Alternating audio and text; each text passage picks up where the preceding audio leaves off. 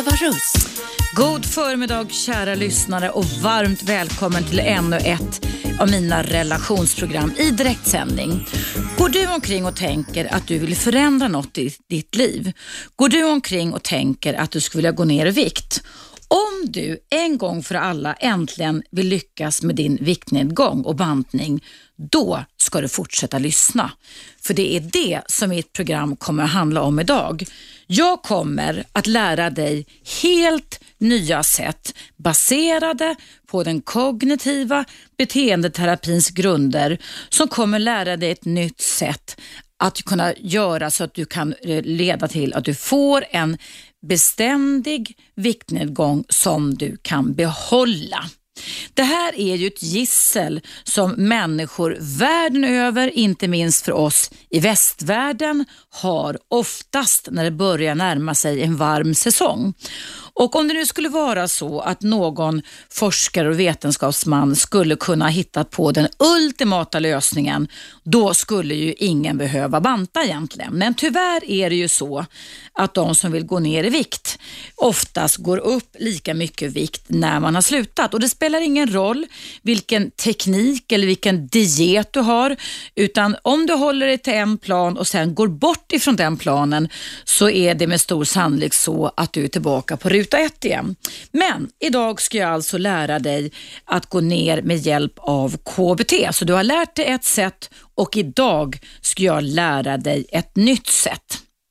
Och Jag baserar eh, min, eh, min eh, ja, workshop, kan vi kalla för idag, här tillsammans med dig, faktiskt på att jag har varit på ett seminarium för några år sedan i USA och där träffat en av världens ledande dietexperter, professor Judith Beck, som jobbar på eh, ett institut i USA.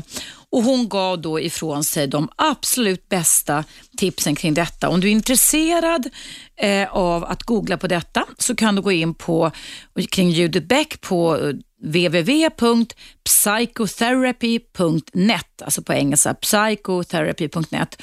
Hon har också skrivit två böcker som båda heter, den ena lite uppdaterade heter The, The Beck Diet Solution. Och Jag var där en hel dag och fick träning av henne och det är faktiskt den exklusiva träningen och innehållet som du ska få av mig idag. Och KBT då, ja det innebär faktiskt att vi alltså har som utgångspunkt när man ska förändra någonting i sitt liv, att man ska se över sina vanliga sätt att tänka, att känna och bete sig på. Och Det som är själva grejen med KBT, det är det att du har lärt dig ett sätt, du har lärt dig ett sätt, men nu ska du lära dig ett annat.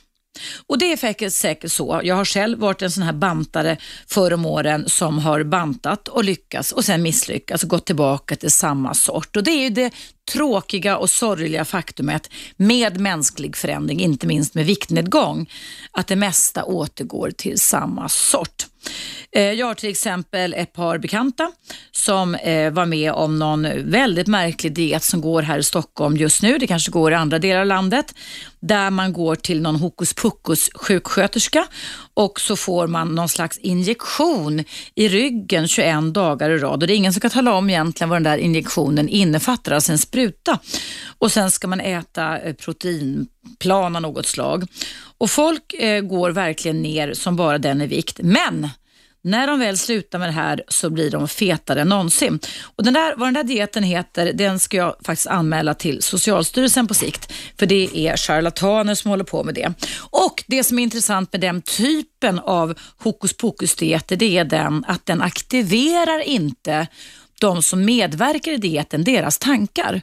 Utan de går dit, har någon som utför lite voodoo på dem eh, och sen så följer de en plan och sen när de är klara och har gått ner så lämnas de åt sitt eget öde. Och de har inte lärt sig att ifrågasätta hur de tänker och vilka tankar de har och vad det är som gör att de misslyckades förut. Och Då kommer vi till den första punkten här idag i mitt program som alltså kan handla om att jag ska lära dig hur du en, en, en gång för alla kan lyckas med din bantning. Så vill du veta det så ska du fortsätta lyssna på mig ända fram till klockan 12 idag. För det första som gäller när man ska lyckas med sin bantning enligt KBT-metoder, det är att man måste våga titta bakåt. God kännedom om dina tidigare misslyckanden kan hjälpa dig till att bli en vinnare vad det gäller att kunna gå ner i vikt. Därför så är en av de viktigaste grunderna för att kunna banta framgångsrikt att man vågar titta bakåt. Det är alltså regel nummer ett. Våga titta bakåt och våga sätta det även om det känns obehagligt, även om det är skämmigt, även om du känner både skuld och skamkänslor om du tittar tillbaka på hela ditt liv alla gånger som du har försökt gå ner i vikt och misslyckats så måste du göra det, för det är själva starten på det hela. Du ska helt enkelt fråga dig följande frågor. Vad exakt bidrog till ditt misslyckande? Frågetecken.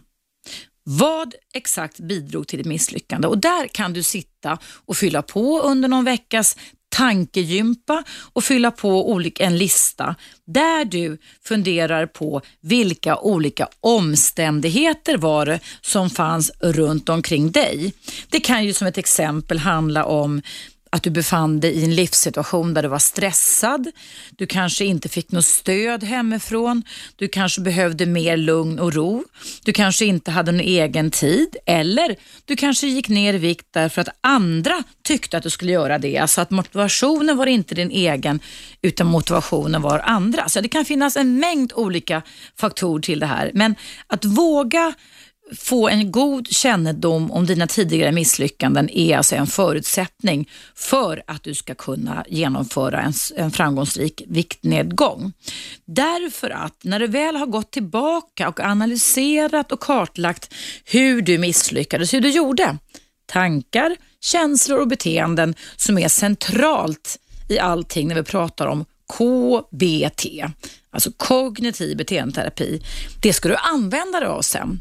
För om det är så att du har lärt dig ett sätt eller försökt gå ner på olika sätt men ändå misslyckats, då har du alltså väldigt mycket inlärning där. Därför, då ska du lära dig ett nytt sätt. Så allt det som du har gjort hittills och som inte blev något bra, det kan du bocka av därför att det är ingen idé att göra på det sättet längre. Så när du har gjort den här listan om dina tidigare misslyckanden i viktnedgång så kan du alltså börja fundera över, okej, okay, så här såg det ut, så här har det sett ut i ett, två, tre, fem, tio, tjugo år varje gång jag har försökt gå ner de där 10-15 kilona eller 20 eller mer. Men jag ligger fortfarande på samma vikt ändå eftersom det mesta återgår till samma sort. Vad, vad behöver jag göra nu? Och just frågan vad och frågan hur är centrala i allting som har med kognitiv beteendeterapi att göra. Vad behövs nu?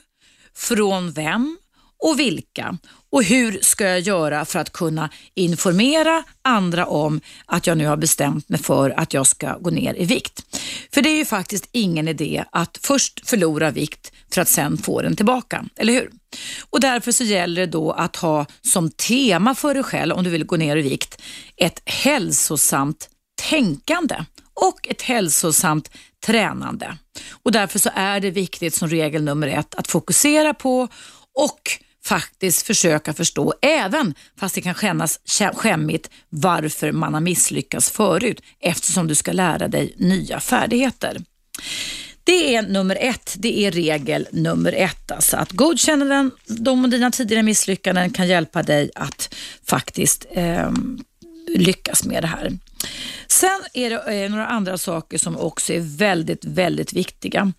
Och Det är också det att, man ska, att du ska lära dig att, som regel nummer två, lära dig allting om det som man i KBT-världen kallar för tankefel. Därför att en av de största och svåraste och jobbigaste känslorna när man ska gå ner i vikt, vet du vad det är? Jo, det är att du äter på känslorna.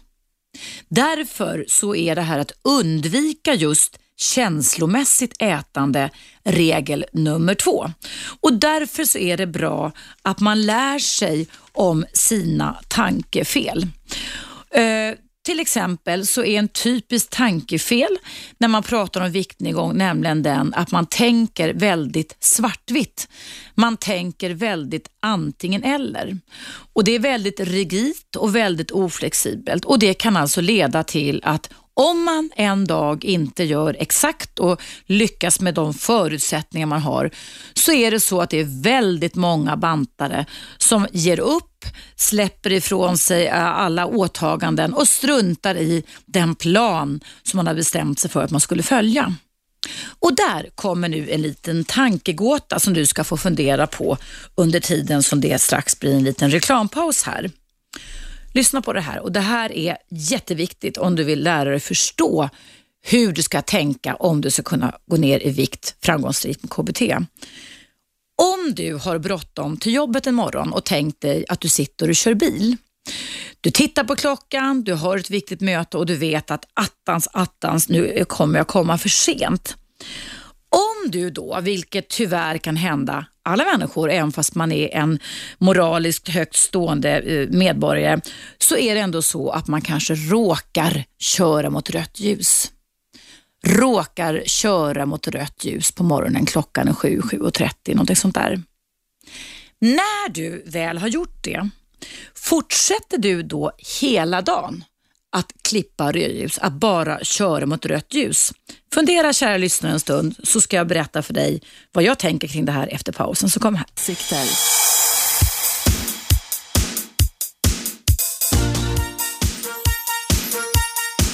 Radio 1. Eva Russ. Mm, varmt välkommen tillbaka. Idag pratar jag om att eh, jag ska ge dig alla råd och tips utifrån kognitiv beteendeterapi som ska hjälpa dig att kunna få en bestående och lyckad viktnedgång. Och innan pausen här så bad jag dig som lyssnar att fundera på att om du kör, råkar köra bilen eller cykeln också för den delen, men framförallt bilen mot rött ljus en morgon, alltså när dagen gryr, när dagen börjar.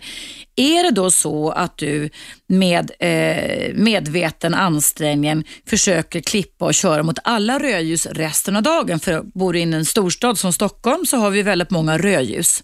jag bad dig fundera på det och jag skulle tro, om jag nu får ägna mig åt tankeläsning, även fast inte det funkar. Jag tror faktiskt inte att du säger ja, det gör jag. Jag fortsätter att köra mot rödljus resten av dagen. Nej, skulle du säga, det gör jag inte. Och Det är det som är själva kärnan i viktnedgång med KBT. Därför att om vi inte gör det när vi kör bil eller cykel, varför gör vi så och ger upp så lätt? När vi ska gå ner i vikt. För det är så väldigt många människor gör när de har tankefelet svartvitt, antingen eller. Det blir väldigt, väldigt rigitt. Utan vad vi gör när vi kör mot rött ljus, det är att vi säger aj, attans, det var inte meningen. Hoppas polisen inte ser mig, hoppas att det inte var någon kamera där och hoppas att jag slipper böter. Och sen skärper vi till oss istället. Men bantare som misslyckas brukar ta ett enda misslyckande som en inteckning för att då skiter jag i resten också. Så det här med rödljusmetaforen är grundläggande i hela ditt arbete med dig själv. Och Det alltså då, gäller då att kunna kartlägga vilka tankefel man har. Svartvitt tänkande kallas det här, där det inte finns någon form av nyanser. Det gäller också att kunna fundera över hur du, eller om du har gjort så att du satt en etikett på dig själv. Väldigt många gånger när man har misslyckats så är det ganska lätt hänt att man tänker, jag kan inte, jag är dålig, jag duger inte. Och Det är alltså en tankemässig etikett som man får lov att fundera över. Hur kan jag tänka istället? Känslomässigt resonerande, ack så viktigt när det gäller viktnedgång eftersom väldigt många bantare, eviga bantare skulle jag säga, jobbar med att börja äta när de känner sig nedstämda, ledsna, frustrerade, besvikna oroliga, trötta och deppade och så vidare. Och Det är alltså en regel som säger att eh, när du känner dig deppad eller sinnesstämningen förändras så är det inte liktydigt med att du ska käka. Eh, katastroftankar är ett annat typiskt tankefel utifrån KBT-teorin, nämligen den att vi väldigt lätt kan också katastrofera saker och ting och då gå igång och skapa en massa skräck och rädsla i oss. Tankeläsning, du tror att du vet vad andra människor tänker och personalisering. Det är ungefär då sju stycken, sju, åtta stycken olika typer av tankefel som det gäller att du tar en tankeställare kring. Det var väl vitsigt sagt, en tankeställare kring och funderar lite över hur och vad, för det är hur och vad-frågor som du ska sysselsätta dig med. Hur ska jag göra när jag hamnar i det här svartvita tänket? Vad ska jag fokusera på istället? Och i förväg med hjälp av papper och penna skriva ner hur och vad du ska kunna tänka för att du ska kunna eh, tänka på ett annat sätt. För det gäller att få med tankarna också och lära dig helt enkelt nya tankemässiga färdigheter. Sen är det också så här att det är viktigt att lära sig som regel nummer tre att inte äta varje gång du känner dig hungrig. Problem som uppstår till exempel med Viktväktarna det är ju det att man inte lär sig hantera hunger och sug utan då har man någonting utifrån de här prickarna och pointsystemen som man ska äta som man alltid kan stoppa i munnen. Men det är faktiskt ett evolutionärt faktum att varje gång vi är hungriga så måste vi inte stoppa någonting i munnen. Och Det är alltså en träningssak att börja lära dig att när du är hungrig så behöver jag inte äta. Och Det är någonting som också givetvis har med känslor att göra, men att skriva upp det på en liten lapp. Du kan göra ett litet kort du har i fickan, du kan sätta upp en liten lapp på kylskåpet att även om jag är hungrig så behöver jag inte äta. Eller så behöver jag inte äta och det är väldigt, väldigt viktigt. Det var regel nummer tre. Sen är det också så här att veta, och det här kan du eh, skriva ner för det är viktiga fakta som aktuell viktforskning inom den kognitiva beteendeterapin hävdar och det är följande. Nämligen det att, man, att framgångsrika bantare verkar äta lika mycket varje dag och att man eh, annars, eftersom man annars oftast hamnar i ett allt eller inget tänkande. Och en framgångsfaktor faktor som forskare kommer fram till för definitiv viktnedgång, det är att du sitter ner och äter långsamt och att du övar dig att njuta av varje tugga. Du övar dig att njuta av varje tugga. Och som sagt var, det är okej okay och det är viktigt att lära sig att det är okej okay att vara hungrig. Så det kan du till och med skriva ner. Det är okej okay att vara hungrig, men det betyder inte att du måste stoppa någonting i munnen. För kritiken då som forskningen har mot Viktväktarna, det är att man lär sig att det inte är okej att vara hungrig. Så skriv genast en lapp att det är okej att vara hungrig. För ska du gå ner i vikt så finns det faktiskt inga genvägar. Och bara den lilla förändringen, visst är det en stor förändring att man ska tänka på det sättet. Ja, så att ät sittande, gilla, var, gilla varje bit. Och sen som regel nummer fem, vet du vad det är? Jo, det är att du ska väga dig varenda dag. Oftast när man går med i såna här viktväktare och klubbor och så vidare så, så lär man sig då att man ska väga sig en dag i veckan. Men vet du varför man säger i KBT-forskning att du ska väga dig varje dag? Jo, det här är jättefiffigt därför att du ska lära dig att hantera dina katastroftankar. Genom, har forskningen visat sig, genom att du väger dig själv dagligen så kommer du att se skillnaderna i platåer i vikten som går upp och ner. Det är därför att de flesta bantarna tror att det är en rätlinjig kurva. Så du ska alltså lära dig att väga dig själv varje dag för att kunna se skillnaderna och därmed kunna motverka katastroftänkandet som är en av de stora gisslen och tankefelen när man ska försöka lära sig, eller försöka, att, försöka lära sig att gå ner i vikt. Sen är det också en regel 6 som det handlar om och det är nämligen den att om man ska lyckas med sin viktnedgång så gäller det då att man har färdigheter av att kunna följa en plan. Därför, för att du ska kunna boosta ditt självförtroende, du ska kunna boosta din självkänsla som ju kan vara ganska tilltufsad som den kan vara för många bantare som ständigt förändras till detsamma igen när dieten är slut. Så kan du alltså bestämma dig för att du under en veckas tid bara ska följa en plan. Den, du kan till exempel börja med en icke lågkaloridiet, alltså bara äta en viss typ av mat varje dag. Du behöver inte tänka på viktnedgång överhuvudtaget, bara för att se att det ska ge dig en boost i dig själv. Yes, I can jag kan följa en plan. Och Det är alltså en motivationsstärkande övning för dig själv. Det kan till exempel också innebära att du följer en annan plan med att du alltså ändrar någonting i ditt dagliga liv och följer den planen utan en enda avvikelse under en vecka. Till exempel går till jobbet, till exempel går av en hållplats tidigare om du åker buss eh, och gör det oavsett väder och vindar. Och Det vet vi att vädret, vädret här i Sverige kan förändras hela tiden. Så att oavsett om det är, sker förändringar i situationen runt omkring dig Barnen är förbannade på dig, du kommer hem lite senare, du går lite tidigare, mannen är arg, eller alltså vad det nu kan vara, så måste du förklara att det här är din motivationsplan. Du ska visa för dig själv att du kan följa en plan.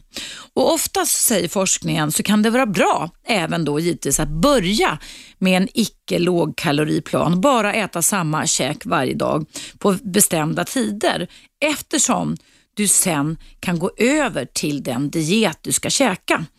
Och Man säger också det att man ska också kunna unna sig att äta en favoritmat om dagen. Visst är det ganska läckert.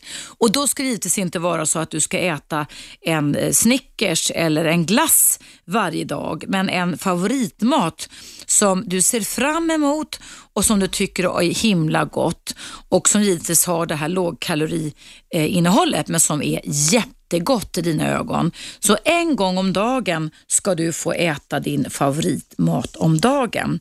Visst låter det väl himla läckert att kunna få göra så.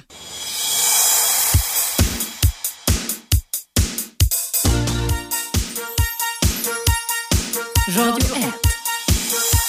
Eva Russ. Varmt välkommen tillbaka. Idag pratar jag och ägnar hela programmet åt ett kognitivt beteendeterapeutiskt närmande till viktnedgång och hur du gör för att kunna behålla det. Jag grundar min eh, eh, workshop tillsammans med dig här idag på en utbildning. Vi har varit i USA för några år sedan och träffat världsledande professor Judith Beck som lärde ut de här KBT-färdigheterna för mig. Och eh, Innan pausen så pratade jag om att det är väldigt viktigt att du lär dig att följa en plan så att du boostar ditt inre så att du liksom kan komma tillbaka till det i stunder när, där, där man kan känna sig lite tröstlös och trött på att följa en diet, för så kan det också vara, så kan du alltså plocka fram den inre kunskapen om Yes I can. Nu eh, har jag ett litet samtal som ska bryta av här och det är min vän Jari som ska ge lite råd, så ytterligare råd. Men jag ska fortsätta också med råd efter att jag pratat med Jari. Hallå Jari! Hej uh, uh, Eva Russ! Mm, välkommen! Du, det var ju trevligt, trevligt att höra att du har tränat kampsporter och, och mm. speciellt Kyokushin Kai, karate mm. som är väldigt bra. Det, ja, det, nu är det 30 år sedan men det var väldigt, väldigt roligt. Jag har fortfarande dräkten kvar. Den och det...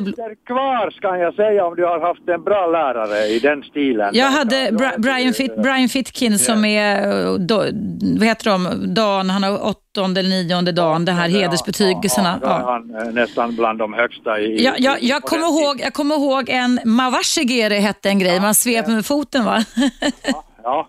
Ja, Okej, okay, nu ska vi prata viktnedgång. Vad ville du bidra med Jari? Jo, det är så här va, att jag har ju tränat själva i många, många år va. Jag har äh, egen äh, pro program nu som jag har kört i ja, 15 år kanske efter att jag la ner kampsporterna äh, på hyllan va. Mm.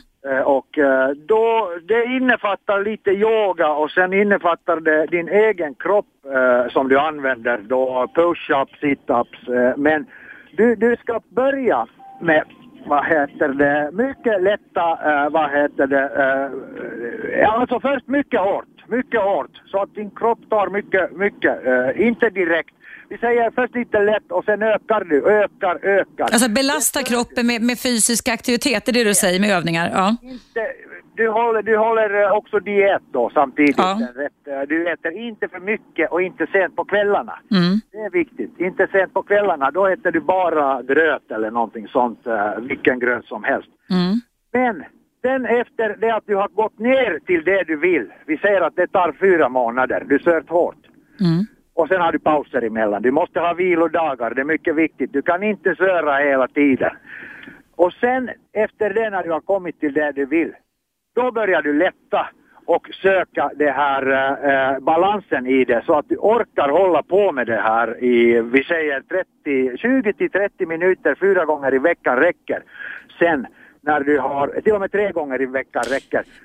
Med, med fys, med alltså hemmaträning, är det det du säger? Hemmaträning, ja. Du behöver inte gå till uh, sal och sånt. Uh, du kan köpa en stång där du kan, om du är inte alltför överviktig, mm. så kan du till och med dra upp dig, du vet det här situps, uh, mm, mm, push-up, eller vad heter det, vertikala, du drar upp dig. Mm. Och, och så vad är det för redskap du tycker man ska köpa som är basic, Jari? Uh, man ska inte gå på TV-sopp och beställa någonting, det kan jag säga. Nej, de här hemska... hemskt. Du kommer att söndra din kropp med många grejer som du söker. De är felaktigt konstruerade nästan, alla de här sit-ups-grejerna och vaggun och allt vad de håller på med. Ja. Du ska inte uh, använda redskap mer än hopprep och uh, stången som jag sa och dipp och din egen kropp som är tung för då, då söndrar du ingenting i din eh, liksom du kan göra med, med för tunga luft och sånt, mm. du kan söndra ryggen och sånt. Mm. Det är just problemet om man eh, börjar köra för mycket med tyngder och, och eh, redskap. Mm. Mm. Då kan du över, eh, ja, dimensionera din träning. Ja, jag, jag, jag, jag, har ju ett litet träningsrum hemma som också är mitt barnbarnsrum och där har jag en pilatesboll, hantlar och Eh, en kettlebell som det heter som man lyfter. Yes, de, de och en stol och där gör jag uh, armhävningar mot, mot golvet och mot bollen och sådär. Det är ganska bra yes. faktiskt. Yes, det är det man ska använda mm. sin kropp till. Uh, du har uh, möjligheten att Uh, bara du lär dig vad, vad, du kan göra. Yoga är jättebra, det kan jag rekommendera att mm. blanda med, med just det där. Va? För mm. då får du smidighet och uh, styrka till viss gräns. Du kan inte få muskler om du inte använder protein eller sånt. Nej. Det är nästan omöjligt. Men du kan få bort uh, fläsk. Mm. Mm. Men du, det innebär alltså att du säger att när man väl har följt en plan och gått ner i vikt, då ja. måste man för att kunna behålla det nya setpoint yes. som det kallas oftast, yes. då ska man alltså tjomma på med fysisk träning ungefär tre gånger i veckan varannan dag alltså? Yes, och bara inte för mycket för då tröttnar du. Om det blir ja, så här att ja. du har en, en Lagom. timme, två timmars program eh, tre gånger i veckan, jag lovar, två år, alla slutar. Ja, det ska vara lagom, alltså en liten sak som inte förändrar vardagen allt för mycket, men som ändå håller upp och där du kan se effekten, att du inte går upp i vikt igen. Yes, och sen att du håller pauser också, till exempel eh, sommar ska du ha en månad, eh, eh till och med sex veckor, två månader utan någon träning alls. Varför det? Att då vilar din kropp och du, du eh, behöver inte tänka på den där träningen alls utan du kommer liksom, du får en semester från träning. Och det är också ett sätt att få en inre motivation när man väl kommer igång igen, Jerry? Alldeles rätt och sen mm. kan du se fram emot att snart är det den månaden när jag har den där semestern. Du, det, det du säger är intressant. Jag har ju jobbat mycket inom idrotten förut under 80-90-talen och det var väldigt många som eh, alltså, höll på med idrott också, som också är, alltså, gav sig själv semester och det är en väldigt viktig aspekt. Det är en väldigt bra aspekt ja. att säga tycker jag. Mm. Och sen har vi kålsoppa för de som har övervikt mycket. De ska börja med att äta kålsoppa.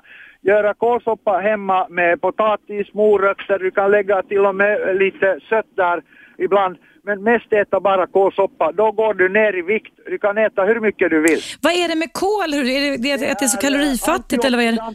Olika medel och sen har den äh, bra för äh, ämnet. Ja, jag har hört det faktiskt också, kålsoppa. Då får man googla på kålsopperecept då. Ja, för det gäller ju också att kunna, för det, här, det jag pratar om idag Jari och även du som är andra lyssnare här, det är att jag pratar inte om en speciell diet utan jag pratar om formen, alltså hur man ska göra. Så man kan egentligen ta vilken diet som helst men det gäller att fånga tankarna. Och som du säger också, det är ju ett tankesätt Jari att, att ge sig själv semester. Yes, det måste du. Efter att man har gått ner, alltså, eller, eller inte mitt i dietnedgången, eller hur? För då sabbar man ju. Vi säger fyra gånger i, i, veck, i månaden semester, fyra gånger i, i, om året semester som sänds en vecka eh, två veckor mm. där och sen den långa semestern på sommaren när du inte tänker på sport alls. För det är ett sätt att slappna av hjärnan och kunna få bygga motivation. Yes. Och hitta på kanske någon ny grej. Ja, hitta på någon ny grej. Skitbra. Tack så jättemycket Jari för att du var så bra och så seriös idag. Det uppskattar jag väldigt mycket ska du veta. Eh, jag tar mycket seriöst när det gäller sport. Ja, vad härligt. Det var kul. Då fick vi lära en ny aspekt av dig också. Du börjar bli väldigt intressant, Jari, som människa. Du kan väldigt mycket också. Ja, sen som jag alltid har sagt, va, så det, gäller det om du tränar kampsporter så ska du också kunna använda vänster och höger lika bra. Mm. Så har du också din hjärnhalva. Just det, just det. Det har du rätt i, för ofta ser vi ju när vi har lärt oss att vara höger eller vänsterhänta så blir vi snea i kroppen nästan, för vi använder bara den delen. Ja. Jag började direkt använda vänster-höger när jag började boxa. Ja. Och jag lovar, eh, jag, till slut överraskade jag det, folk med det att de trodde jag var högerhänt. Du kunde byta hand alltså? Ja. Och då fick de på snöffe, sa vi på finska. Ja. De fick på nöffe. På nöffe? ja. Okej, underbart Jade. Tack så mycket för ditt bidrag idag. Vi hörs säkert igen.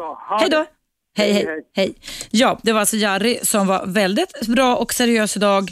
Han kan om man vill minsann den mannen och gav dig tips som lyssnar. Och idag i alla fall så handlar det alltså om ett kognitivt beteendeterapeutiskt närmande till viktnedgång och vad du kan göra för att kunna behålla det.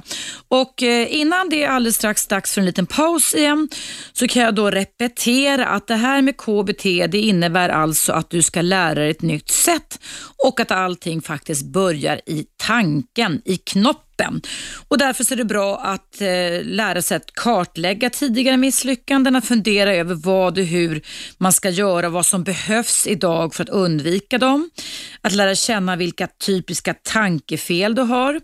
Att lära dig att avstå ifrån att äta på känslor, att inte katastrofera att inte äta varje gång som du är hungrig och att alltid äta sittande och gilla varje bit och att varje dag faktiskt ge dig själv din favoritmat. Men också att väga dig själv varje dag just för att undvika katastroftänkande för att du ska kunna få se att det är faktiskt så att eh, vikten går upp och ner varje dag.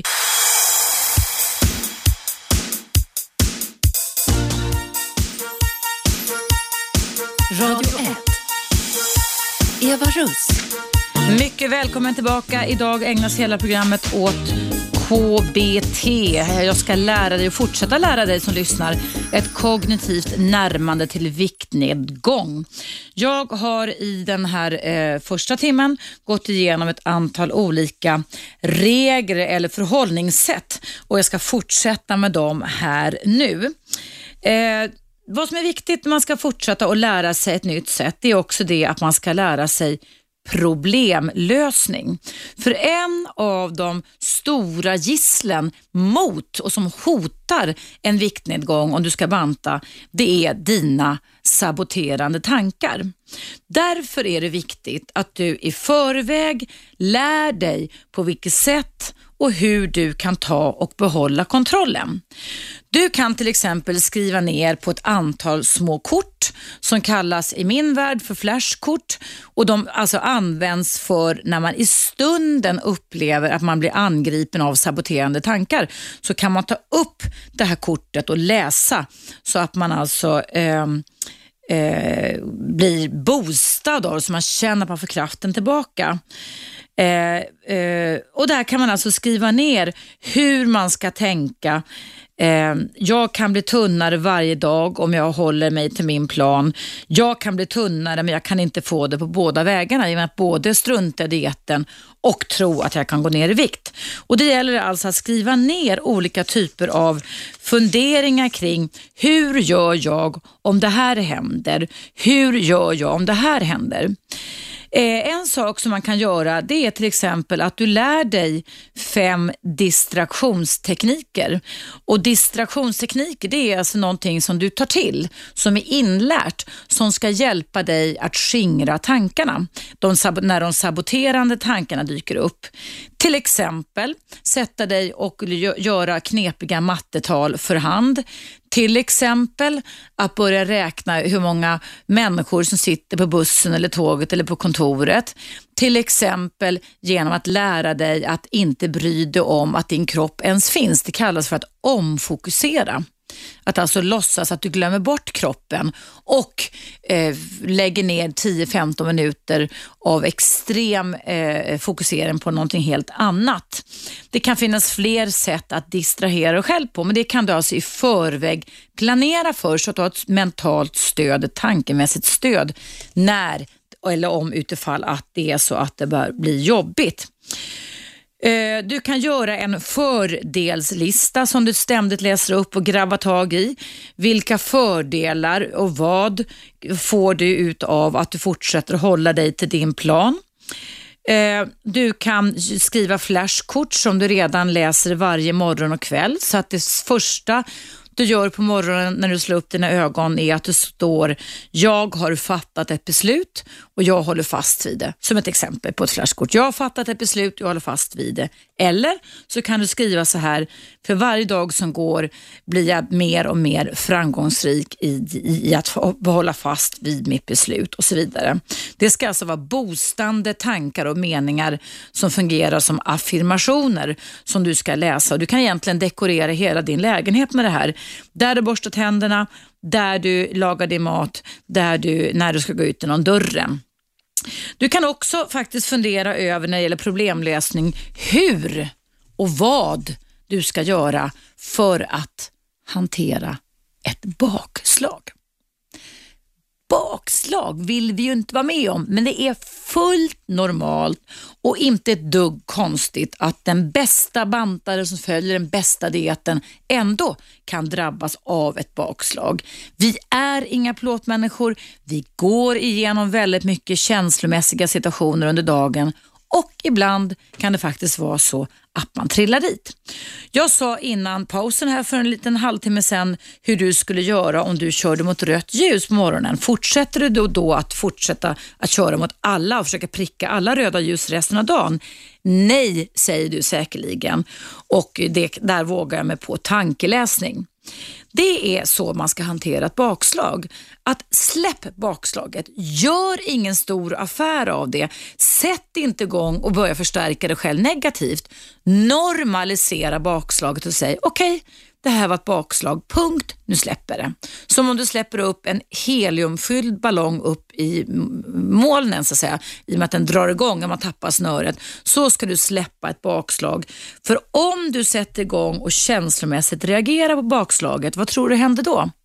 Jo, då jobbar du med det som man i min värld, KBT-världen säger kallas för förstärkning. Det blir en negativ förstärkning och därför ska du öva dig på att inte förstärka annat än det som bär framåt. Och ett bakslag är normalt, det händer alla, men gör det till en bagatell och sen fortsätter du och håller på på din plan. Sen kan du också öva dig på vad det gäller problemlösning på en väldigt häftig beteendeinriktad metod om du vill äntligen lyckas och gå ner i vikt. Nämligen det här att du tränade på att avbryta ditt ätande. Du kan göra det även nu, att du alltså när du har lunchen framför dig alldeles strax eller någon annan måltid, att du börjar äta på en rätt Sen avbryter du det och sen går du bort ifrån maten i sig 10-15 minuter. Risken är givetvis att den kallnar då om det är varm mat. Men det är själva grejen, det kan du värma upp igen i sådana fall, är den att du visar att du har kontroll. Det är alltså kontrollkänslan som är oerhört viktig. Att kunna känna och kunna tänka att du har kontroll. Och där är det så, om vi utgår från kognitiv beteendeterapi och vetenskaper kring det, när du ska förändra ett beteende, när du ska förändra ditt ätbeteende, att det gäller att både kunna täcka in och förebygga allting som har med dina tankar, med dina känslor och dina beteenden att göra. Så det gäller att planera i förväg. Om utifall att det här händer, hur gör jag då? Hur ska jag tänka? Vad kan jag känna? Hur ska jag hantera det här? Och vad kan jag göra? Och Det gäller till exempel då alltså att kartlägga typiska triggande situationer. Vilka situationer triggar igång dig? Vilka saboterande tankar brukar du få då? Och hur brukar just du reagera känslomässigt och fysiskt? Och tankar finns ju alltid med då man äter. Så tillåt inte dig själv att säga att de inte finns med. Vi tänker alltid. Men vanliga triggers som du kan gå igång på och som kan sabotera din dietplan, det är omgivningen, alltså folk runt omkring dig, situationen. Det kan vara biologiska faktorn, det kan vara sociala, det kan vara känslomässiga, det kan vara olika orsaker till eh, att man alltså inte kan gå ner i vikt. Och Därför så är det viktigt att börja planera, använda huvudet. Om de här triggerserna dyker upp, hur ska jag reagera då? Vad exakt ska jag tänka på då? Vad exakt ska jag göra? Så det är hela tiden du som ska ta ansvar för vad ska jag göra? Hur ska jag tänka och hur ska jag bete mig? Och Det är alltså jätte jätteviktiga aspekter när det gäller att kunna hålla fast vid en dietplan. Och kom ihåg det, du som lyssnar på mig nu och kanske som vill fortsätta nästa timme med, eftersom jag pratar om KBT, epokgörande färska fakta från professorn i USA, Judith Specks eh, bok eh, The Beck Diet Solution. Jag har också varit på utbildning där i Boston för några år sedan och jag har lärt mig att det här är faktiskt ett av de enda sätt sätten att ta med hjärnan, för om inte hjärnan är med och du bara överlåter kroppen till en diet eller till något annat så kallat proffs, så kan jag garantera att när du separerar från den här dieten eller från den här personen så kommer du oftast gå tillbaka till samma sort. Det mesta brukar bli detsamma. Och därför så är det viktigt att du låter se till att hjärnan är med. Vad du också kan göra som är en typisk sätt att undvika typiska fällor när vi går ner i vikt, det är givetvis då att droppa den där jobbiga perfektionismen. Perfektionism är ett hot eh, och faktiskt nästan en självmordsfälla för perfekta människor. Det finns inga perfekta människor. Perfektionism finns inte och just därför så gäller det att fundera över hur du kan normalisera även ett bakslag och alltså inte fortsätta köra mot rött ljus resten av dagen.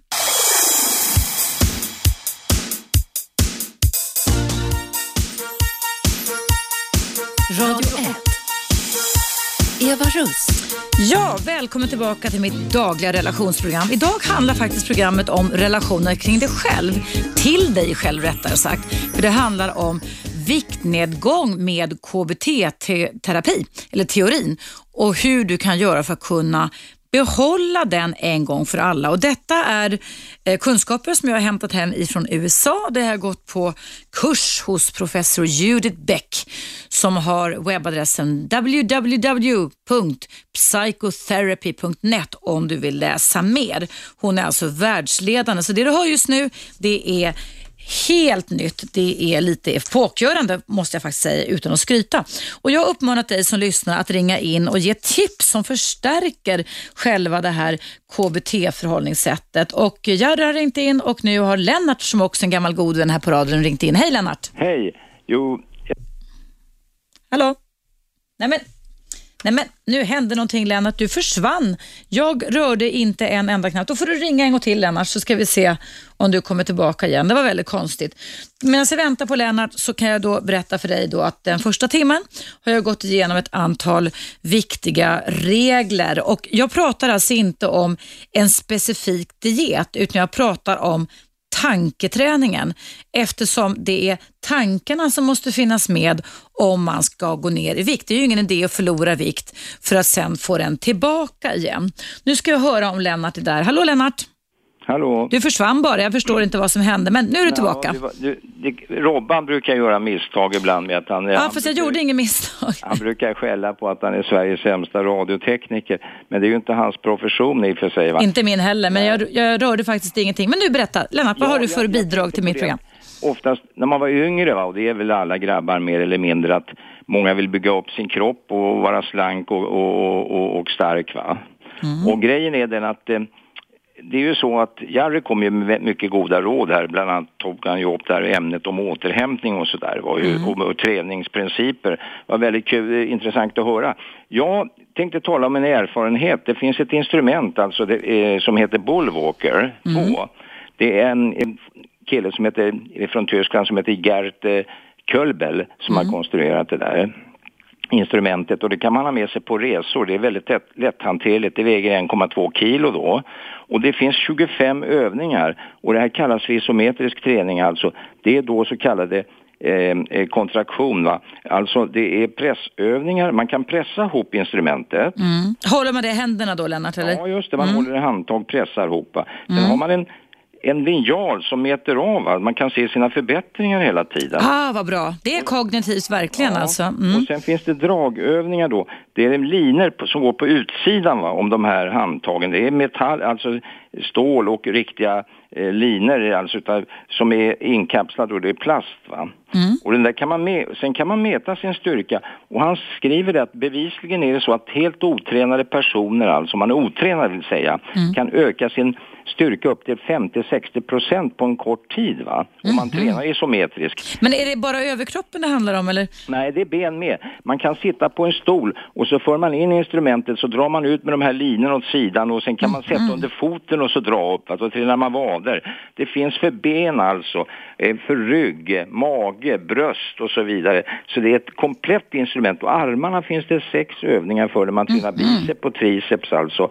Och sen finns det för skuldrorna. Då för man instrumentet bakom nacken och pressar ihop. Det är den svåraste övningen. Och då säger han det, att detta är en krävande övning. Bli inte besviken om det dröjer två eller tre veckor innan ni Vad bra. är i stånd att röra handtaget. Det är bra också att de kan skriva så, eller hur? Så och att det här man, är ett mm. evighets, e- evighetsinstrument, för jag har haft det här, köpte för 20 år sedan och jag, och jag brukar köra emellanåt med den här. Va? Jag Mm. tycker det är väldigt praktiskt. Och det här med isometrisk träning, det sägs det att det var amerikanerna. Säg vad is- isometrisk träning är, Lennart. Vad sa du? Berätta vad isometrisk träning är för de som lyssnar. Ja, ja, det kan man säga är en form alltså utav en, eh, hur ska jag beskriva det om att det är, ja, det, det att man, en, en, alltså man ska ha drag och pressövningar då och då spänner man exempelvis biceps i 6 till 8 sekunder va? och så slappnar man av va. Det, är en upp, det, det påstås att det var amerikanerna som kom på den här träningsidén på 50-talet men i själva verket var det en som hette Erling Berg från Småland men han kallade det här för muskelkontroll. Mm, mm. Och han eh, uppfann det här så kallad isometrisk isometrisk eh, kontraktion alltså eh, på, på 20-talet redan va. Och då hade han inga instrument utan då tränade han med kroppen det är spänn och avspänningsövningar, då blir det isometriskt va. Mm, mm, mm. Principen är sån vet du. Och eh, Bygger man muskler och styrka också? Eller? ja, det- man Det- blir otroligt stark utav det alltså. Bullwalker alltså? Ja. Ja, det har man mätt det där i Tyskland med att man kan eh, bygga upp sig otroligt om man är helt otränad vill säga. Va? Ö- Öka styrka med en, eh, vad ska jag säga, en 50, upp till 50-60 procent påstås det. Och den här instrumentet är monterat för hand va? och specialtillverkade detaljer. Jag tror att redskapet är ungefär cirka 90 centimeter lång och väger 1,4 kilo och så vidare. Det är lätt transport Det, det kan man ju ta med sig, det verkar inte vara något problem alls. Härligt! Mm. på det, Jack, att människan har ju då eh, cirka 500 muskler va? och eh, den här är ju så, vad ska man säga, vittomfattande att man tränar hela kroppen med instrumentet va, Det kan vara någonting för både killar och tjejer och så slipper man gå på gymmet, då kan man träna hemma istället. Man, man kan träna hemma som Mm. Jari sa här att han tränar ju tydligen hemma vet du. Han har ju Mm. kört med yoga och annat, va? styrketräning med hantlar och sånt där va. Och det tycker jag är en väldigt eh, praktisk idé. För jag vet att det, det här är ju så bekvämt också att kunna, som du säger, att man kan träna hemma va. Mm. det, det är ju väldigt fördelaktigt och, om man inte vill gå på gym, för det är ju kanske inte alla som trivs med det heller. Jag, jag har gått på gym halva mitt liv och även jobbat som aerobicsinstruktör. Ja. Och instru men jag är så trött på det just nu, så nu kör jag hemma i mitt rum där mitt ja, barnbarn sover ibland och kör med mina bollar och mina hantlar. Det räcker gott och väl ja, om man tagit sig en runda. Mm. Och jag menar, det här är bra också med man kan få stort utbyte av det här även om man är både yngre och äldre så säga. Mm. Va? Bullwalker heter den. Ja, Bullwalker, visst är det så. Va? Så det kan man köpa, alltså nu får, gör vi inte reklam så, men du är ju ingen försäljare heller, jag förstår, men alltså kan man köpa den i Stockholm någonstans eller? Jag tror man kan väl ringa upp eh, välsorterade ja. sportaffärer för att det, här, det, det, existerar ju fortfarande det här Bullwalker. Okej, okay. ja. toppen. Det, det är nog jag kan rekommendera för att i och med att det är så eh, bra på det viset mm. att det gäller hela kroppen. Va? Det är inte bara att man tränar armar, Nej, precis, utan tränar skulder och så vidare. Och sen eh, ryggen med framförallt. Man kan dra de här linorna då. Det, det, finns en instruktionsbok som följer med vet du. Mm. Och det här är rätt globalt. Jag tror de har sålt det här i många, många länder. Va? I Finland, Danmark, Sverige, England, det, det har blivit väldigt spridning på det här tidigare mm. då. Okay. Ja. Tack snälla Lennart, toppen. Det var jättebra inslag. Nu ska jag fortsätta med mitt program. Vi hörs ja. längre fram. Ett ögonblick, jag kan bara säga så. Man, man kan testa hemma va. Mm. Om du håller armarna rakt ut. Mm. Framför dig alltså. Mm. Framför. Och sen spänner du knytnäven och mm. drar sakta underarmen upp och på det viset så kommer du spänna biceps va? Just det, jag gör det nu. Ja. Kommer upp ungefär nästan med näven mot örat så spänner du allt vad du orkar ja. och håller den 5-6 sekunder. Den här instrumentet ska man bara ha en 5-6 sekunder. Sen kan du slappna av och så tar du armen långsamt tillbaka. Va? Mm. Det, det, är isometrisk träning. Det känns du i armen alltså? Likadant om man mm. står vid ett fönster, va? vid fönsterbredet så kan man ha fingrarna under eller handen under och spänna uppåt eller stå i en dörrpost. Va? Mm. Det är det som han kom på, Erling Berg, men han gav det epitetet alltså muskelkontroll. Va? Muskelkontroll, okej, okay. underbart. Underbart, underbart. Då fick vi en liten mi miniföreläsning här av dig Lennart kring det här ämnet han satt, att... Han satt hemma vid köksbordet och skrev med sin Annelinpenna heter det va? Ja. Och han kopierade och skickade ut. Det var han som började långt innan Arne Tammer. Ja, ja, ja, Okej, okay, du ska tacka. Tack snälla Lennart, tusen tack. Eh, det var alltså Lennart som också är en trogen gäst här på Radio 1. Och du lyssnar på Eva Russ i mitt dagliga relationsprogram. idag så handlar programmet alltså om hur du kan förbättra den tankemässiga relationen kring dig själv, nämligen genom att lära dig grundreglerna för hur du kan närma dig en beständig viktnedgång och se till att du också kan behålla den. För det är nämligen ingen idé att jobba med sig själv om inte hjärnan hjärnan finns med. Och En väldigt viktig aspekt i det här, jag har den första timmen berättat om väldigt många regler och vill du lyssna på det här programmet i repris så kan du göra det eller via eh, Radio 1 Play också givetvis. Det går klockan, eh, på repris klockan 22 ikväll. Eh, vad jag ska fortsätta att berätta kring då som är viktigt för dig som vill gå ner i vikt det är ju då, för jag talade tidigare om att hantera katastroftankar, att man rekommenderar att man ska väga sig själv dagligen för att se skillnaderna i platåer, att det går upp och ner. Eftersom många bantare tror att det är en rätlinjig kurva. Man ska förbereda sig för att kartlägga olika triggande situationer och också eh, skippa det här gisslet med perfektionism. Perfektionism är för vissa människor på våran jord en ohälsofaktor. Det är faktor till och med så att en del människor nästan tar livet, eller tar livet av sig därför att de letar efter den perfekta kroppen, perfekta människan och det finns ingen som är helt perfekt, så skippa det. En annan sak du ska skippa det är att luras eller att vara oärlig. Eh, ärlighet gentemot dig själv, din egen tanke, vara längst eh, bestämdes för att du ska vara ärlig och inte börja med de här tankarna. Ja, men bara en liten då. Ja, men det, det behövs bara en liten sån och det här lilla gör ju ingenting. Nej, du får fatta ett beslut och hålla fast för det. Och Det kan du skriva på ett kort som du har med i fickan. Eh, jag har fattat ett beslut och jag håller fast vid det no matter what. Det är ett, ett av mina favoritflashkort som jag brukar ge till mina klienter när de ska hålla fast vid sina planer.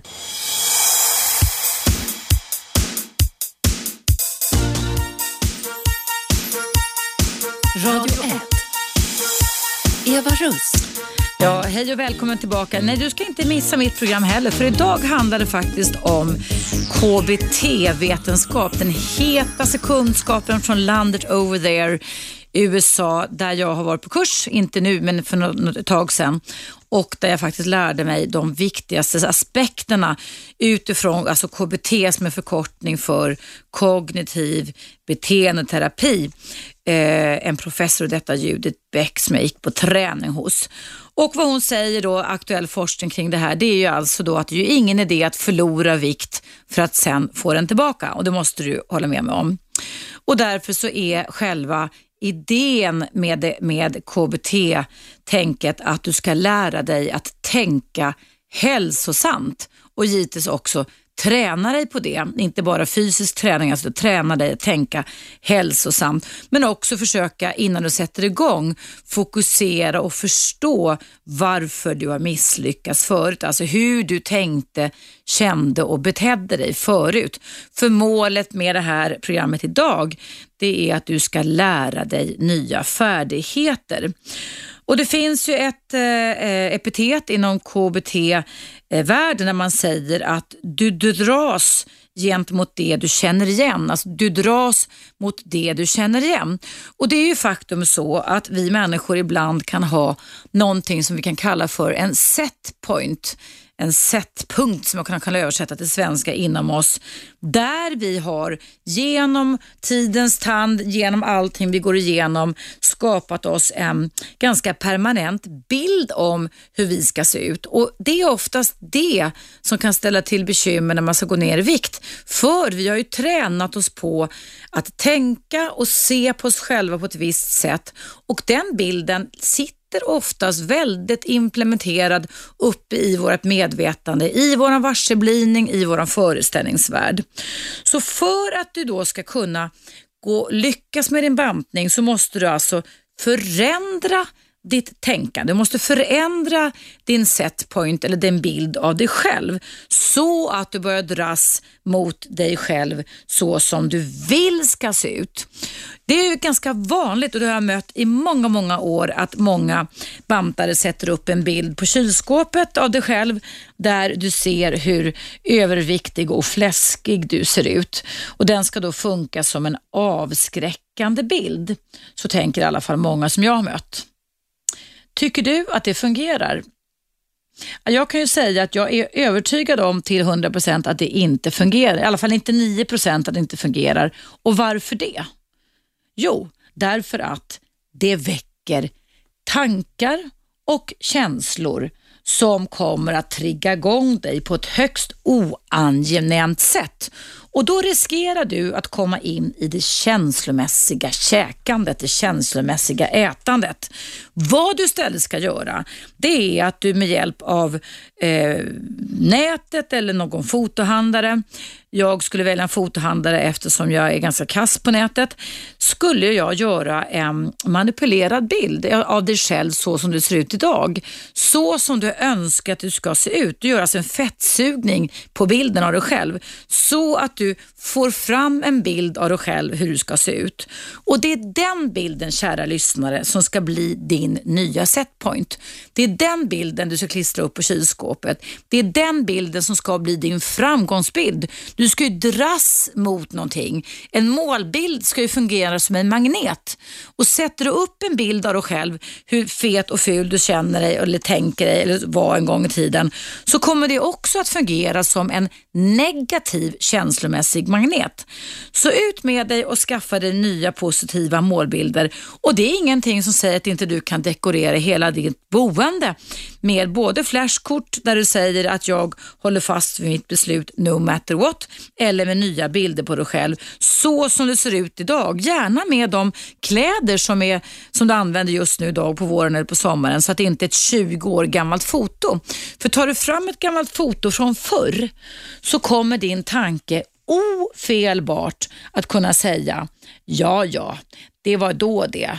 Men och Det är just det här männet som är så himla livsfarligt man ska förändra, för det kan starta en väldig massa ursäkter. Men då var jag 20 år yngre, men då levde jag på ett annat sätt. Men då var andra tider då, men då hade jag en annan metabolism. Men då var jag gift och lycklig. Men nu är jag ogift och olycklig. Ja, nu hittar jag bara på. Men det finns en väldig massa ursäkter som vi kan komma med och därför så är det viktigt att skippa det. Du ska leva i nuet och det är nu och framåt det handlar om. Och Jag pratar alltså inte om någon specifik diet utan jag pratar om att du ska bestämma dig för en viss typ av diet. Och Då är det viktigt också att framgångsrika, jag vet att framgångsrika bantare verkar äta lika mycket varje dag. Och att man ska sitta ner och äta långsamt och öva dig på att njuta av varje tugga. Det är alltså en vetenskapligt belagd framgångsfaktor. Och du ska inte stänga av dina tankar. Eh, alltså börja tänka att jag tänker inte på mat eller din attityd till mat. För tankar finns alltid med då man äter och därför så ska du inte säga att tankarna inte finns med. Men därför så rekommenderar man att man ska äta en favoritmat om dagen. Om det till exempel är så att du gillar en viss form av om man säger lågkalorimat som är väldigt god jord eller tillagad eller kryddad eller vad det nu kan vara eller ligger i en hyfsat bra sås. Då ska du se fram emot den varenda dag. Det är alltså inte förbjudet att äta kycklingbröst fem dagar i veckan. Det är inte förbjudet att äta laxkotletter fem dagar i veckan. Det är helt okej. Okay. Det är det som skapar motivation. Du har någonting att se fram emot på samma sätt som du ska göra genom att sätta upp en bild så som du vill se ut när du är klar. Inte så som du såg ut en gång i tiden. För då var det helt andra tider. Mm. Jag pratar alltså om KBT-viktnedgång och detta råd du hör idag är epokgörande. Jag tror faktiskt inte att det är någon i Sverige idag som har den kunskapen som jag har kring det här. Därför kan du alltså lyssna på hela programmet där alla råden finns med i reprisen klockan 22 varje vardag. Eh, nu ska jag gå vidare kring det jag också sa innan pausen, nämligen den hur hanterar man andras negativa inverkan? Ja, det är ju faktiskt det som är ett gissel, att kunna stå emot andra människors negativa inverkan. Och där gäller ju den här problemlösnings, problemhanteringsförberedelserna är A och O. Det finns alltid människor som kommer att vara svartsjuka på dig, som kommer vara avundsjuka på dig, som kommer att försöka övertyga dig om att du duger som du är. Gå inte på de här viktidealen eller bantningshysterin. Det kan vara människor som vill inte att du ska förändras. Det kan finnas människor som vill att du ska se likadan ut, som ser en massa faror i om du skulle förändra dig för mycket. Ja, listan kan bli väldigt lång. Alla de här farorna ska du ta och sätta dig noga och gå igenom. Vad kan hända? Och hur. Det är alltså vad och hur-frågor hela tiden, inte varför. Det gäller att vara orienterad i verkligheten och inse så här kommer det att kunna bli, men då minsann har jag en mental handlingsplan för hur just jag ska hantera det här. Och Det är också det som innebär att installera ett hopp inom dig. Att oavsett vad det är för obstacles, alltså oavsett vad det är för hinder som kommer att dyka upp inom dig, i relationen till omgivning och andra eller i omgivningen enbart, stress, påverkan, press och så vidare, så ska du hålla fast vid din plan no matter what. Och en av de viktigaste aspekterna när det gäller att kunna gå ner i vikt, som också aktuell forskning kring viktnedgång säger, det är att du ska väga dig varenda dag, men också att du ska ägna dig åt en långsam viktnedgång. Och du ska också lära dig att inte äta trots att du är hungrig och du ska också lära dig att skilja på riktigt hunger och sug. Vi människor är konstruerade för att kunna känna oss hungriga ganska ofta. Men det betyder ju inte att vi måste äta varje gång vi är hungriga. Och Därför så är det viktigt att du lär dig varifrån dina känslor kommer som ibland kan trigga igång dig och göra att du kan gå igång och äta på känslomässig grund. Så skapa konsekventa tankevanor och fundera över hur du kan skaffa dig support. För motsatsen till att andra människor har en negativ inverkan på dig när du ska gå ner i vikt, det är också det att vad, att svara på vad och hur kan du göra för att skaffa dig support. Du kan ju prata med dina närmaste och fråga om de inte kan skicka dig positiva sms, uppbyggande sms varje dag, skicka trevliga mejl, eh, skicka trevliga telefonsamtal. Eh, det är jätteviktigt att du skaffar dig stöd och support och det kan du faktiskt också göra med hjälp av andra människors eh, sätt. Men supporten kan också vara den att du alltså lär dig att skriva flashcard, lär dig att skriva viktiga affirmationer och suggestioner hemma och det är viktigt att, och, och du också lär dig att det är okej okay att vara hungrig. Det betyder inte att du måste äta bara för att du är hungrig.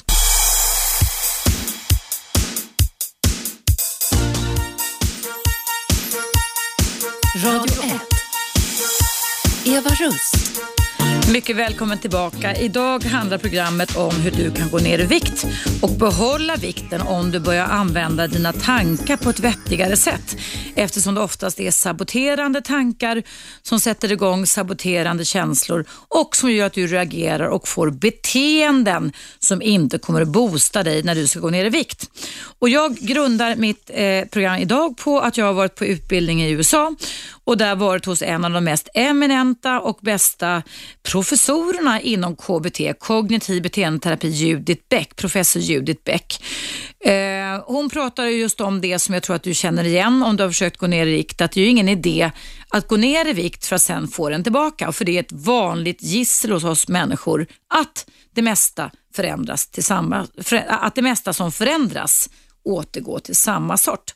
Och därför så är det viktigt att när du står inför ett sådant beslut, vare sig det är nu eller längre fram, att du börjar utveckla och träna dig på att tänka hälsosamt och träna dig på att dagligen tänka hälsosamt. För allting handlar egentligen om hur du tänker. Det är dina tankar och det är mina tankar som styr väldigt mycket om det kommer bli en framgång eller om det kommer bli ett misslyckande. Ehm, vi kan alltid lära oss nya färdigheter och att gå ner i hjälp med hjälp av KBT, det är helt enkelt att komma på bättre tankar. Och där gäller det då att lära sig att eh, vakta vilka tankar man har, att aldrig stå ställd, att förbereda sig inför olika saker och se till att man boostar sig själv och följer en plan. Och om jag nu ska sammanfatta lite av det som jag sagt idag så handlar det alltså om att ehm, eh, eh, lära sig att förstå att en, en viktnedgång tar tid, det är inget quick fix. Men att det gäller också att inte stänga av dina tankar gentemot maten, det du ska äta, utan att faktiskt inse och att acceptera att tankarna finns med. Och därför så rekommenderar den här professorn Judith Beck att man varje dag ska få äta lite av sin favoritmat för att man därmed ska kunna se, ha någonting att se fram emot, hålla uppe det här. Det handlar ju då inte om att äta tio Snickers eller någonting sånt där, men någonting som har lågkaloristämpel men som också är väldigt gott ska man unna sig att göra. Och att sitta ner och äta långsamt och öva sig att njuta av varje tugga har visat sig vara en framgångsfaktor. Att inte stänga av attityden till maten. Att lära sig att det är okej okay att vara hungrig, alltså, men det betyder inte att du ska käka. Kritiken hon har mot Viktväktarna är att där lär man sig att det är inte okej okay att vara hungrig. Det gäller att skaffa dig support, Eh, prata med folk som är omkring dig. Det bästa givetvis är oftast att man har en dietkompis, någon som kan boosta en. Men har man inte det så måste man se till att omgivningen, familjen inte minst, hindras ifrån att ha en och verka med sin negativa inverkan. För det är oftast sånt som sätter i krokbägaren. Ska du gå på fest så får du tala om i förväg till värdarna så att du inte får skuldkänslor för att du tackar nej till den, den lilla kakan till. Klassisk eh, bantarfälla skulle jag jag säga.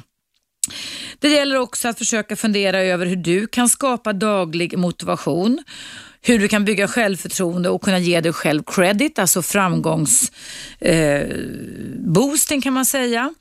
Det gäller att du ska kunna lära dig hur du ska hantera hunger, sug och att inte gå igång när känslorna eller sinnesstämningen förändras. För känslomässigt ätande är ett av de största gisslen mot när man ska gå ner i vikt. Eh, och Då kan du i förväg fundera över hur du ska kunna hantera känslomässiga saker. Hur ska du hantera ett misslyckande? Vad kan du göra då? Inte gå hem och äta mer käk och sätta stort kryss över den dagen, utan fundera över hur ska just du komma tillbaka på banan igen? Sen gäller det också det jag sagt tidigare i programmet just idag om att det gäller att kunna se till att du kan följa en plan och ägna dig åt problemlösning. Problem handling heter det på engelska. Alltså hur ska du hantera dina saboterande tankar för att du ska kunna ta kontrollen och behålla kontrollen sen? Jo, då kan du ju gå igenom typiska du-problemtankar, skriva kort som säger att om jag tänker så här, då ska jag ändra mitt tänkande till det här. Eller när jag tänker så här, då ska jag tänka på det här istället. Det gäller att alltså lära dig olika typer av problemhanteringstekniker och lära dig eh, flera stycken distraktionstekniker. Eh, du kan skriva ner olika typer av flashkort, alltså kort som talar om vad du ska rikta dina tankar mot, som du läser på varje morgon, middag, kväll. Ungefär som man tar sig en kaffetår eller en vitamintablett så är det viktigt. Och Du kan också i förväg skriva ner hur du ska hantera bakslag. Om utifall att det blir ett bakslag, hur ska du hantera det då? För då har du en plan. Då tillåter du inte dig själv att sätta, sätta stort kryss över dig själv utan du kan fortsätta att hålla dig till den om du har bestämt dig för. Eh, du ska lära dig att äta sittande och att äta enligt mindfulness. Och mindfulness är ju enligt den här professorn en eh, viktig aspekt, nämligen den att du ska gilla varje bit av maten som du äter. Eh, väga dig dagligen också och ha realistiska mål.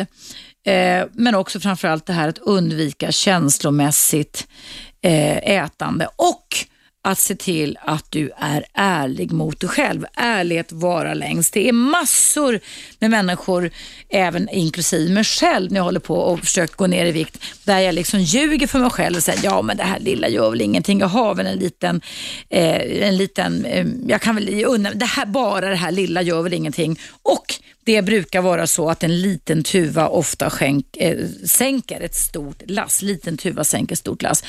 En liten tankemässig avvikelse där du dribblar med dig själv kan alltså sänka hela ditt viktnedgångslass. Nu ska jag läsa upp ett mejl som min producent Ina kom in med precis exakt nu. Det kommer då ifrån Linda. Hon skriver så här. Hej! Jag har ett tips om man känner att omgivningen motarbetar ens viktnedgång genom kommentarer typ “ja men du som är så fin som du är” eller “banta ska man inte göra, det kommer bara tillbaka”. Jag måste hålla mig strikt till vad jag äter för att hålla vikten och tackar alltid nej till citat bjudkakor på jobbet och måste alltid försvara att jag tackar nej. Parentes, de är ju bara avundsjuka på min ståndaktighet. Ja, så till mitt tips säger Linda då. Säg inte att du försöker gå ner i vikt. Säg att du mår bättre av att äta den dieten eller avstå från fet mat, socker och så vidare. Det är som om det är mer accepterat att säga så. Testa får ni se skillnad i hur ni blir bemötta. Och Då repeterar jag än en gång det Linda skriver i mejlet till mig. Då, att hon säger så här, säg inte att du försöker gå ner i vikt. Säg att du mår bättre av att äta den här speciella maten eller dieten. Att du mår bättre, ja det var jättebra Linda. Det var en väldigt tankemässig abrovinkel. En, ett nytt sätt att hantera dig själv gentemot omgivningen på. Eh, och Sen fortsätter Linda så här i sitt mejl. Till vissa utvalda som stöttar mig säger jag att jag kämpar med vikten. Att jag är smal idag har jag inte gratis så att säga. Kram till alla er. Vad gulligt av dig Linda. Tack så jättemycket för det eh, lyssnarmejlet. Det var jätte, jättebra frågor och faktiskt ett exempel på att hjärnan måste vara med. Att hur vi säger det och hur vi presenterar oss själva inför andra spelar faktiskt väldigt stor roll det med.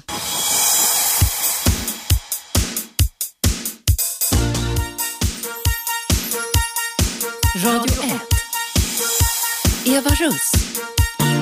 Mycket välkommen tillbaka i dagens program. Har jag pratat om och ska fortsätta prata de sista minuterna här om hur du med hjälp av KBT, alltså kognitiv beteendeterapeutisk kunskap och vetenskap kan gå ner till i vikt och för att du ska kunna behålla det. Och Det handlar hela tiden om att planera i förväg.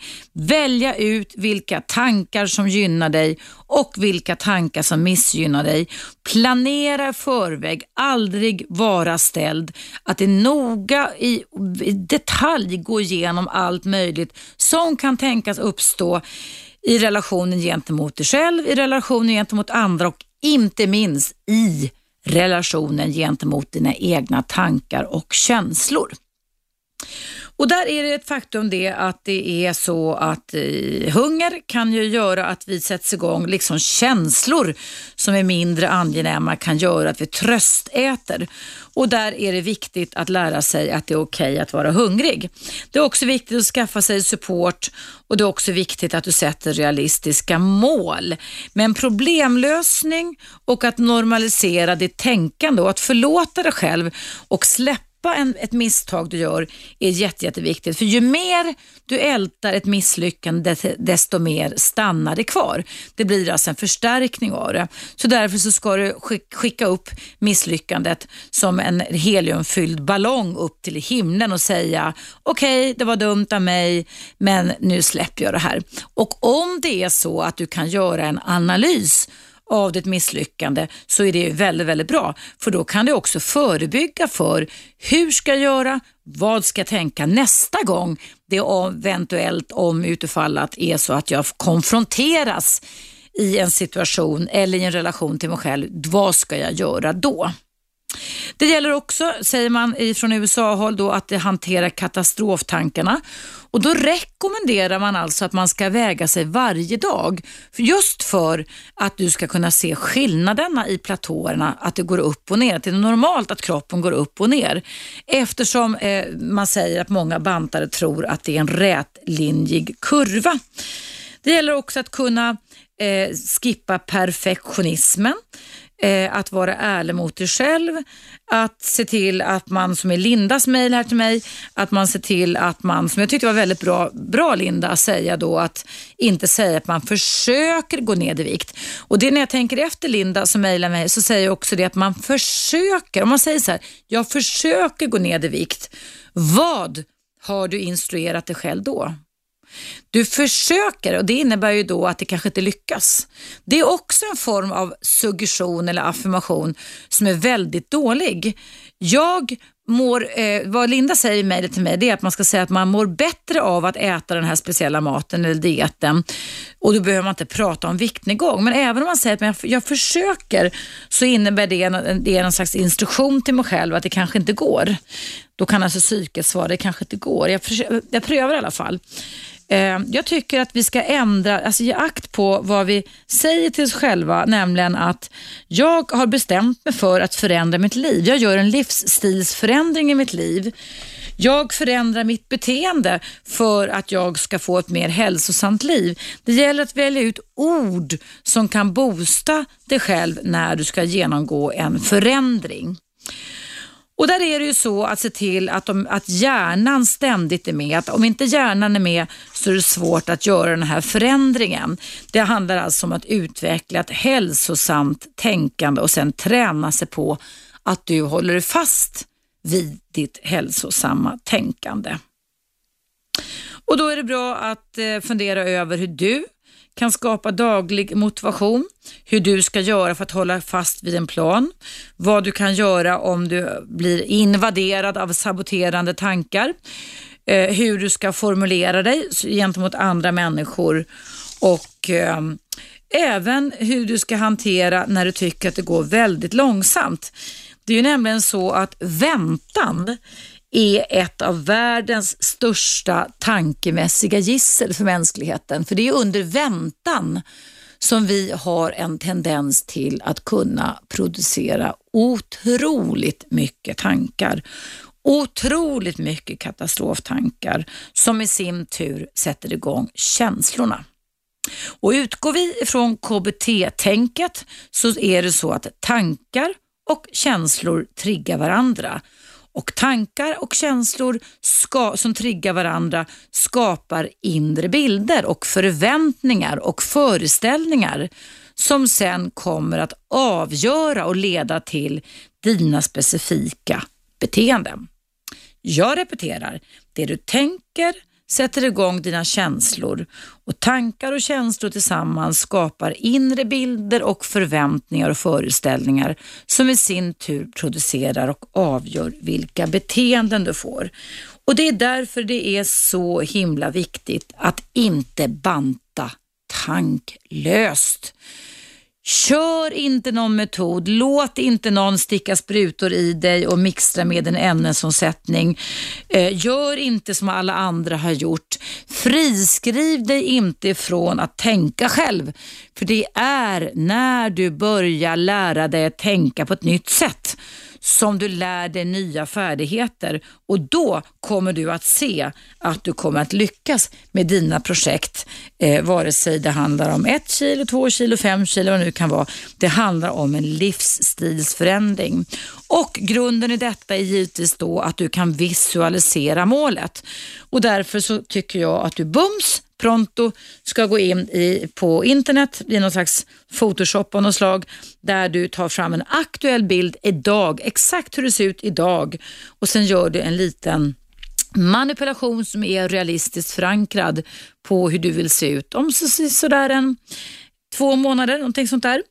Eh, den här professorn i USA, Judith Beck, hon rekommenderar ett sex veckors program.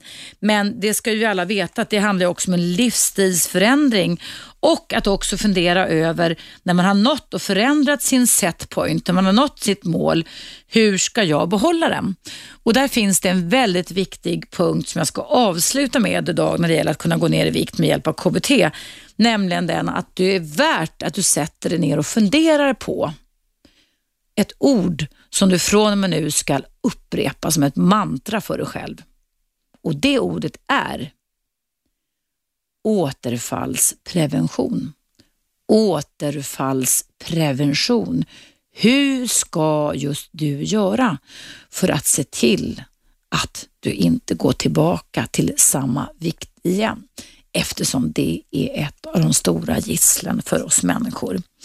Fundera i förväg. Vad ska du göra för att kunna behålla den här vikten? Vilka olika verktyg i den kognitiva världen kan du använda dig av? Och Det är bara att sätta igång hjärnan och lära in nya färdigheter. Den här boken som, som eh, jag pratar om, den kan man beställa på amazon.com. Den är alltså skriven, det finns två böcker kring det här, de finns inte på svenska än och de är skrivna då av professor Judith Beck. Hennes hemsida är www. och sen på engelska då psychotherapy.net och det heter The Beck Diet Solution eller The uh, The Diet Solution. Jag tror de har nästan likartade titlar, de här två böckerna. Jag tycker att den ena i och för sig är en uppdatering av den andra. Eh, hon, man kan också gå in på hennes hemsida och se USA och se de olika typer av eh, terapishopparna. Man kan gå i terapi där i USA. Nu är det lite långt att åka dit, men jag funderar faktiskt på att göra en svensk version av det här en vacker dag när jag har tid. Jag skriver ju böcker också och jag har faktiskt gått ganska länge gått och funderat på att eh, ha ett samarbete med folk som skriver böcker, till exempel Fredrik Paulun som jag är god vän med och som jag jobbade med 2005 i ett SVT-baserat program som heter Toppform. Så jag har också jobbat med det här med att gå ner i vikt med hjälp av tankekraft i SVT och också TV4 där jag och Martin Lidberg var coacher åt par som ville gå ner i vikt tillsammans. Så att eh, det här med att tänka hälsosamt och att röra sig hälsosamt och att ge akt på vad du tänker och även orden som säger du blir vad du tänker är en väldigt röd tråd här i mitt dagliga relationsprogram. Och som sagt var, ehm, det, vill du lyssna på mig i repris så går det bra 22 varje vardag. Men du kan ladda ner en gratis app och lyssna på hela detta, som jag skulle faktiskt våga säga, värdefulla program för dig som vill förstå hur viktigt det är att lägga en riktigt god, hjärnmässigt förankrad, tankemässig grund för när du ska förändra ditt liv. Och De här råden du har fått av mig idag, de kan ju använda i andra aspekter med. Om du till exempel eh, vill eh, aldrig mer träffa en dysfunktionell partner, om du aldrig mer vill hamna i en destruktiv relation, så måste du ha hjärnan med där med. Det går inte bara att gå ut på vinst och förlust och säga det blir som det blir eller eh, det kommer nog att gå bra, utan hjärnan och ditt tänkande måste vara med hela tiden för att just du ska kunna lyckas. Därmed sätter jag punkt för mig. Tackar för att du lyssnade idag och jag hoppas att vi hörs imorgon igen. Hej då! 101,9 Radio 1 Sveriges nya pratradio